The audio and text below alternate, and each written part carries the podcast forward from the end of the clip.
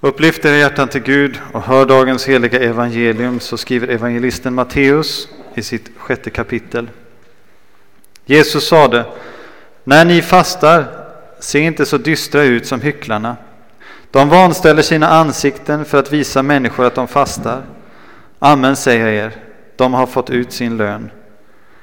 Nej, när du fastar, smörj ditt huvud och tvätta ditt ansikte så att människorna inte ser att du fastar utan endast din fader som är i det fördolda. Då ska din fader som ser i det fördolda belöna dig. Samla inte skatter på jorden, där rost och mal förstör och där tjuvar bryter sig in och stjäl. Samla er skatter i himlen, där varken rost eller mal förstör och där inga tjuvar bryter sig in och stjäl. Ty där din skatt är, där kommer också ditt hjärta att vara. Så lyder det heliga evangeliet. Lovad vare du, Kristus.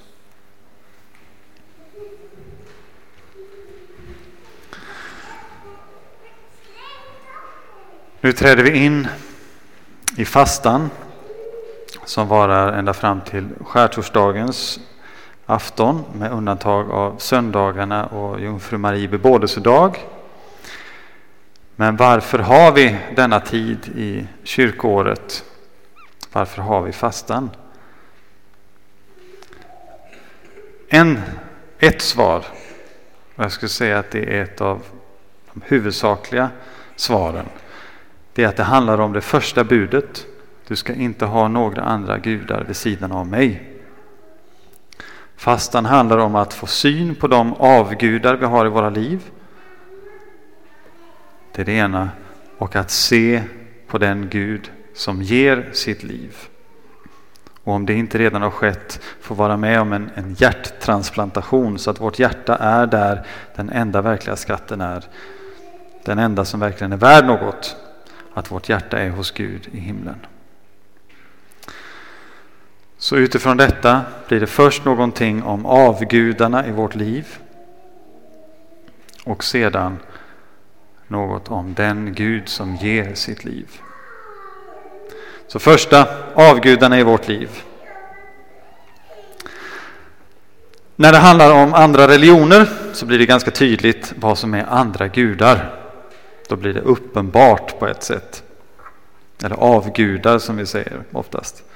Men Bibeln är också klar över att det inte bara andra religioners gudar som kan vara avgudar och ta den sanne Gudens plats. Och i bergspredikan som vi nu läste ifrån, sjätte kapitlet, så tar Jesus upp detta. Och egentligen kan man säga att hela kapitel 6 handlar just om detta med avgudar. Kapitlet inleds med Akta er för att göra er rättfärdighet inför människor för att bli sedda av dem. I folkbibeln står det goda gärningar. NT81 eller Bibel 2000 där står det eh, rättfärdiga gärningar tror jag. Det är en bättre översättning i så fall. Men vad det handlar om är att Jesus tar upp och behandlar det religiösa livet. Kapitel 5 mycket om lagen. Kapitel 6 mycket om det religiösa livet. Gudstjänsten, fromheten. Och vid den här tiden så tänkte man att den har tre delar. Givandet, bönen och fasta. Eh, och de hänger också ihop på ett praktiskt sätt. Och det är ju det, detta som Jesus tar i den ordningen i, i kapitel 6. Givande, bön, fasta. Och då blir det också så att fastan om att avhålla sig från mat eh, under en viss tid, det innebär att det blir mer pengar över som man inte lägger på mat. Det innebär också att man sparar tid därför att man inte behöver lägga lika mycket tid på att laga mat, äta mat, ta hand om disken. Och då kan den tiden läggas på bön, läsa Bibeln och så vidare. Och pengarna det kan man lägga på nästan, på nästan som är behövande. Så resonemanget i kapitel 6 handlar mycket om detta. Jag kommer inte gå in så mycket mer på hur de här hänger ihop och så vidare men nu finns det ett, ett dokument ute på hemsidan också som jag skrev för ett antal år sedan med, med ganska långt med mycket historisk bakgrund och redogörelse och Gamla Testamentet och Nya Testamentet med fastan och några praktiska saker att tänka på och så vidare. Så vill man fördjupa sig där så kan man läsa det även om det inte är så eh, korrekturläst. Det borde gjorts bättre. Men där finns ändå mycket man kan läsa om man vill. Men här nu fokus på en särskild aspekt.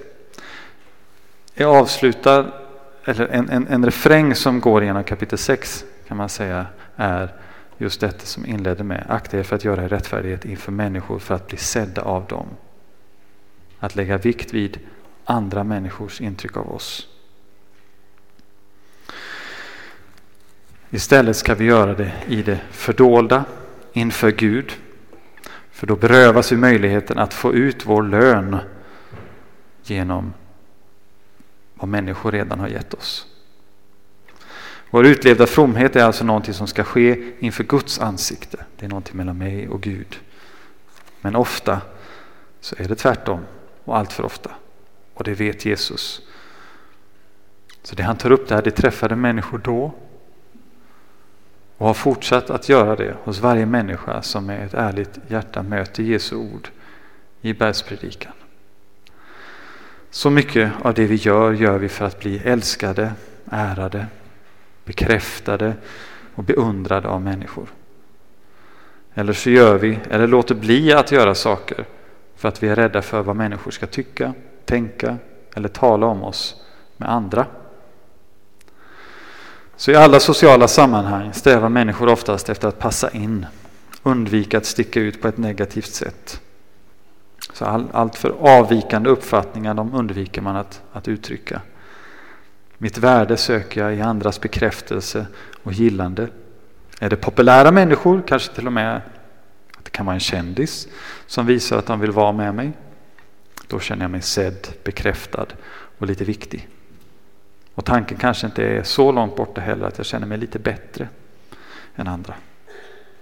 Men får jag inte den bekräftelsen, om de populära inte vill vara med mig, då har jag alltså inget värde. Så mitt värde kan räknas i inbjudningar till olika saker, antalet likes, hjärtan eller vad det än kan vara i sociala medier. Eller bara att man är omtyckt, är de, jag är den som folk kommer och sätter sig vid i olika sammanhang eller vad den kan vara. Och det här är lätt att bli en slav under. En avgud som det är lätt att bli slav under. Jag styrs av andra människor. Mina handlingar påverkas av att jag känner av vad funkar, vad kommer människor tycka och tänka då.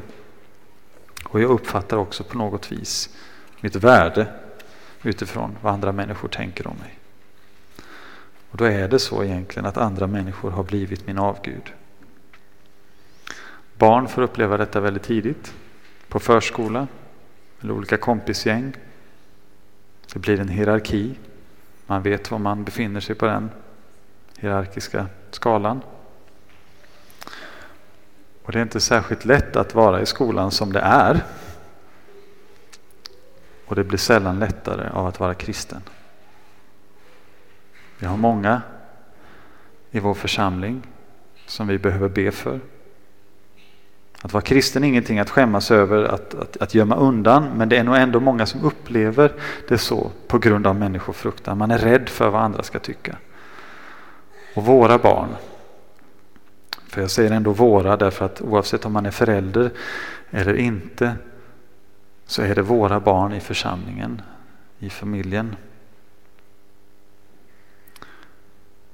Som vi har ett ansvar för. Vi behöver be för våra barn, uppmuntra och även ge kunskap som hjälp att strida mot en avgud. Men det är inte särskilt lätt för vuxna heller. Det krävs mycket mod för att låta ett, ett kristet perspektiv komma fram i alla samtal på universitet, på jobbet, fikarummet. Eh, eller vad det än kan vara. Det finns så mycket av, av andra uppfattningar som, som räknas som neutrala. Om man är ateist eller agnostiker eller eh, ja, sekulär och, och, bara lite småandlig eller så. Det kan man dela med sig av och prata ganska frimodigt om. Men det kristna budskapet uppfattas inte så. Oftast. Några av er har kanske hört vad som händer i Finland just nu.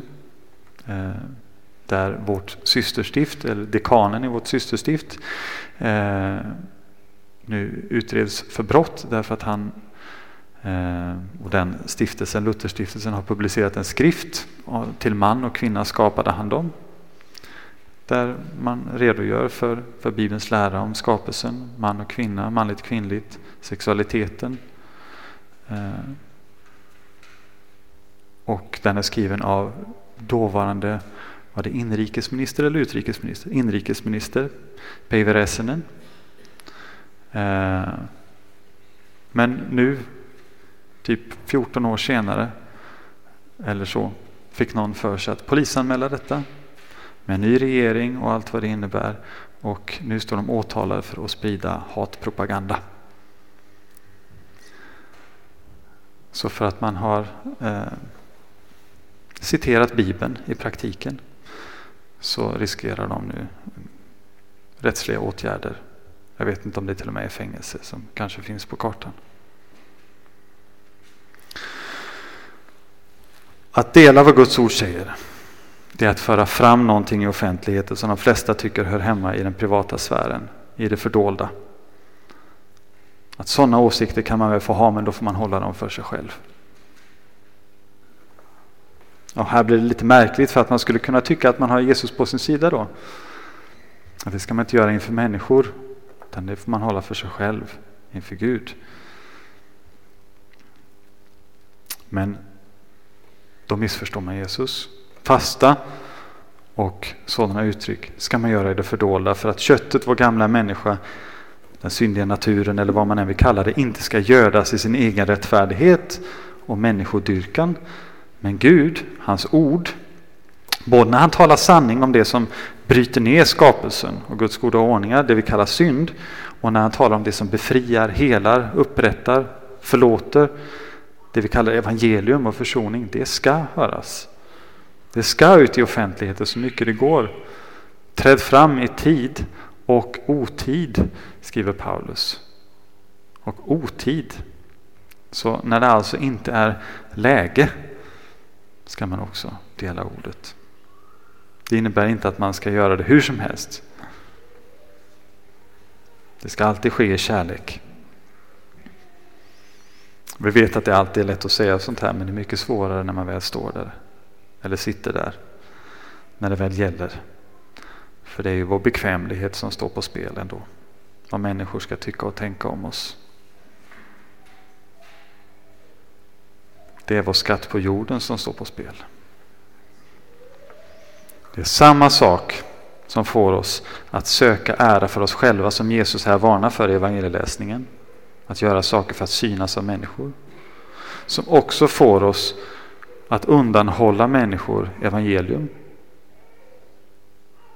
Och visa på Guds godhet, ära, hans helighet och rättfärdighet också. Det är samma sak som göder vår egen rättfärdighet som skymmer Jesus. Det är människors dom över oss, gillande eller ogillande, som styr hur vi handlar, som vår gamla människa både älskar och fruktar. Det är vår avgud. Så låt oss nu stanna då inför den Gud som vi då berövar ära om vi handlar på det viset, som vi gömmer undan och kanske skäms för. Den Gud som världen föraktar. Och det är den Gud som ger sitt liv. Och Det är egentligen lite märkligt att, att det är sonen som står i centrum i treenigheten. För det får man ändå säga att han gör. Det är sonen, det är Jesus som är Bibelns kärna och stjärna. Det är inte i motsats till Faderns och den heliga Andes ära och härlighet. Men Jesus är Guds hemlighet som har blivit uppenbarad. Jesus är Faderns älskade son som han ständigt pekar på också vid den här händelsen. Den är min son den älskade, vilken jag har min glädje. Lyssna till honom, säger han också där.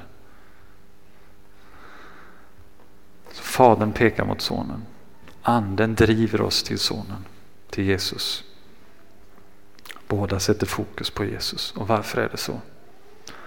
Och Bibeln svarar själv på detta på många ställen men särskilt tydligt i Filipperbrevets andra kapitel. Han, det vill säga Jesus, var till i Guds gestalt men räknade inte jämlikheten med Gud som segerbyte utan utgav sig själv och antog en tjänares gestalt och blev människan lik. När han till det yttre hade blivit som en människa ödmjukade han sig och blev lydig ända till döden, döden på korset. Och därför har Gud upphöjt honom över allting och gett honom namnet över alla namn. För att i Jesu namn alla knän ska böjas i himlen och på jorden och under jorden och alla tungor bekänna att Jesus Kristus är Herren, Gud Fadern till ära. Detta är anledningen. Detta är anledningen till att Jesus hamnar i centrum hela tiden. Detta är Bibelns därför till vårt varför. Så medan vi söker människors gillande så går Jesus frivilligt in och tar på sig hela världens hat och hån. Vi kanske alltid vill hävda vår rätt och våra rättigheter, försvara oss och kanske hämnas när någon anklagar oss, rättfärdiga oss själva. Men Jesus förblir tyst och vänder den andra kinden till. Medan vi söker det bekväma och goda livet så går Jesus med bestämda steg mot Jerusalem, mot korset för att lida för vår skull. Vi vill ha fina hem, men Jesus hade ingenstans att vila sitt huvud. Vi vill äta och dricka gott, men Jesus ger sig själv, sin egen kropp och sitt eget blod som mat och dryck till oss. Vi vill ha fina kläder, men Jesus, hans kläder sliter de av honom han delas upp mellan soldaterna och han hängs upp naken på korset. Allt det som vi borde ha utsatts för på grund av vår själviskhet eller girighet, otacksamhet, våra elaka och rent onda ord och tankar, det går Jesus in under och bär för oss. Så allt det som vår gamla människa avskyr, vill slippa och flyr ifrån honom och får fria tyglar, det går Jesus med bestämda steg in i frivilligt. Mot det vänder han sitt ansikte och går mot fast besluten. Han går för att ta Barabbas plats på korset så att han kan gå fri. Han går för att ta din plats på korset, du som likt Barabbas väntade på den rättvisa domen som skulle verkställas.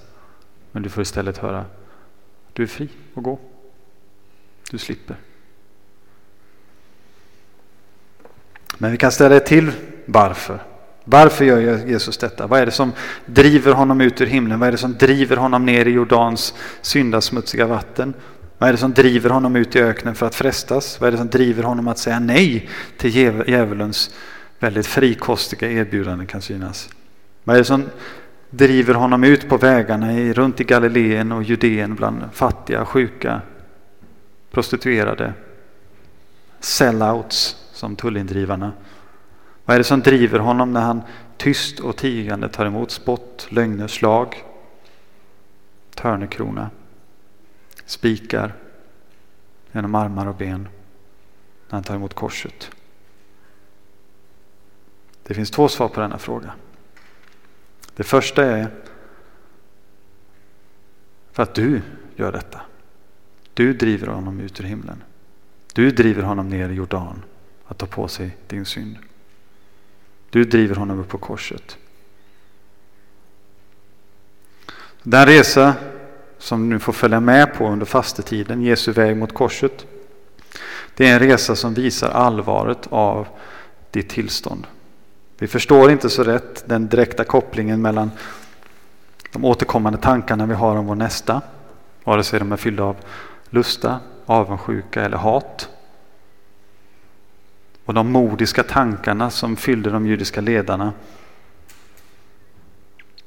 Eller vårt skitsnack och de lögner och anklagelser som haglar över Jesus. De hänger ihop. Och inte heller förstår vi kopplingen mellan vår tröghet till att be, läsa Bibeln eller liknande. Förstå varför är det så här? Och de ropen som hördes om att korsfästa Jesus. Men det är samma uppror egentligen, samma ovilja mot Gud i vårt hjärta.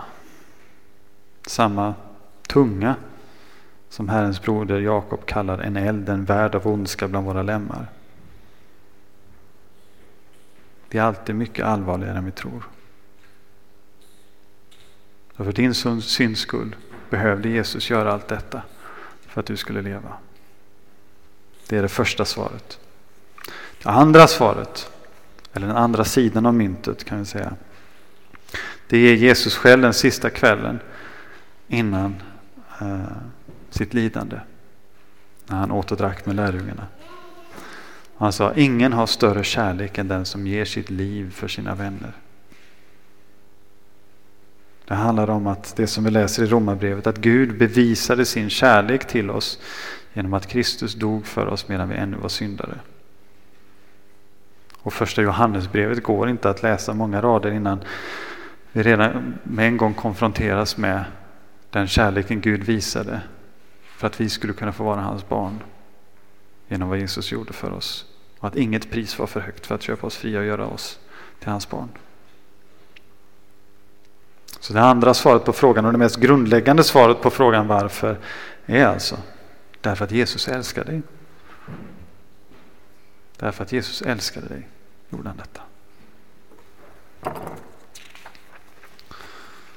Och fastetiden är en tid att, att stanna upp inför denna kärlek. Att se på Jesus. Och i allt som händer honom, allt han får utstå, se hur han bevisar jag älskar dig. Vilken annan Gud finns som är som han? Vilken annan Gud har du i ett liv som offrar sig för dig, som gör allt för dig för att du ska slippa gå under? Har du vänner som ställer upp för dig? Gläd dig och tacka Gud för dem. Har du fam familj, vänner eller andra släktingar eller någonting som skulle göra allt för dig, som kanske till och med skulle offra sig för att rädda ditt liv? Tacka och, och gläd dig desto mer. Men det som vi hörde om i söndags, det dop som Jesus döptes med, som var ett dop i hans eget blod, var den kalk som Jesus tömde, som var Guds vredes bägare, det kunde ingen döpas med. Och den kalken kunde ingen dricka i hans ställe. Och inte heller i ditt ställe.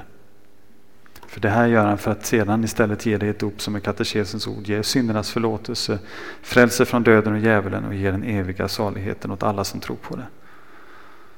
Och en kalk som ger syndernas förlåtelse, liv och salighet.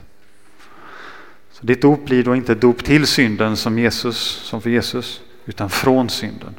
Och den kalk du tar emot är inte fylld av vrede, utan fylld av kärlek, överflödande av kärlek genom det blod som Jesus lät utgjutas för din skull.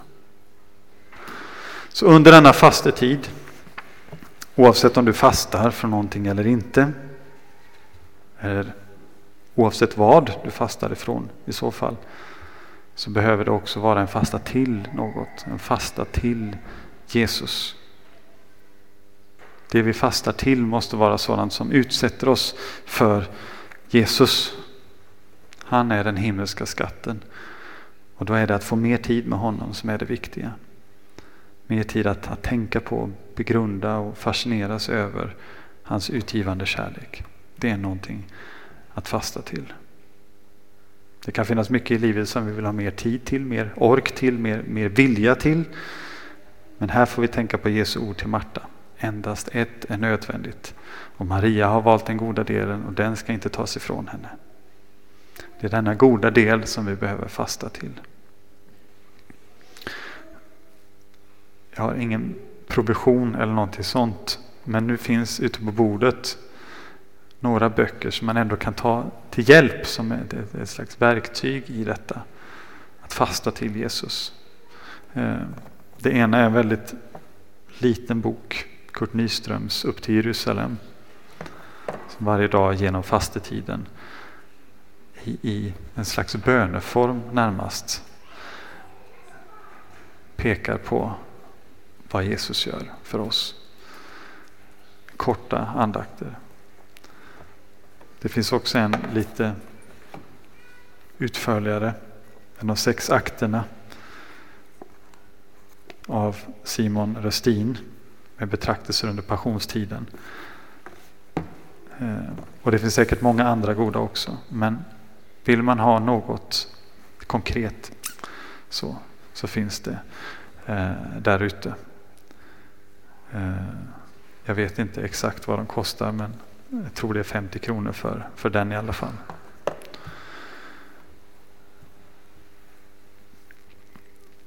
Det vi behöver på olika sätt få hjälp att, att få fatt i detta. Att se vad är det som händer när Jesus går till Jerusalem. Vårt hjärta är, är ganska oförmöget. Trögt till att tro. Och väldigt lätt att ta sin tillflykt till olika avgudar. Och denna oförmåga får också fastetiden vara med och avslöja och blottlägga. För det är det nya hjärtat vi behöver. Det omskurna hjärtat som Joel talar om. Hjärtat som är format av Guds kärlek och som älskar det Herren älskar. Det hjärta som vill vara hos Herren. Det gamla, det som heter sursum corda i, i liturgin, upplyfter era hjärtan till Gud. Så svarar vi, vi upplyfter våra hjärtan. Men det gamla formuleringen är, vi har dem hos Herren. Upplyft era hjärtan till Gud. Vi har dem hos Herren. De är redan där.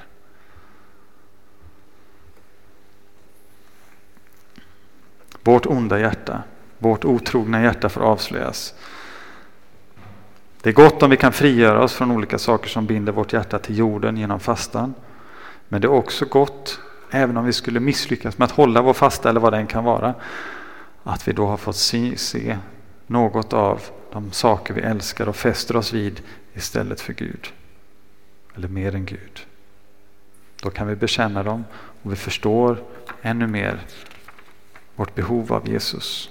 Att ta emot hans förlåtelse och hans kärlek. Och att det är vår hjärta, vårt hjärtas skatt. Så Jesus gick in i det mörka, i det svarta och besegrade det onda med det goda. Det är det enda sättet att vinna. Det gäller dina avgudar, det gäller dina ovänner, dina fiender och det gäller också fienden i ditt eget hjärta. Jesus kärlek övervinner det onda på korset. Och Jesu kärlek övervinner det onda i ditt hjärta. Och det är bara Jesu kärlek som kan göra detta. Det är bara Jesu kärlek som kan övervinna det onda i vår värld. Det är bara hans kärlek som kan smälta ett hjärta fyllt av hat. Det är bara hans kärlek som kan driva ut falska gudar. Göra dem onödiga, överflödiga, futtiga i jämförelse. Och det är bara hans kärlek som kan driva ut rädslan för andra människor. För att det är bara hans kärlek som har gått i döden för oss. För dig. Vi förblir stilla en stund innan vi sjunger psalm 136 och får prisa Jesus för allt det som han har gjort och ännu gör. Också i denna fastetid fram till påskens glädje. Så en kort stund av bara eftertanke.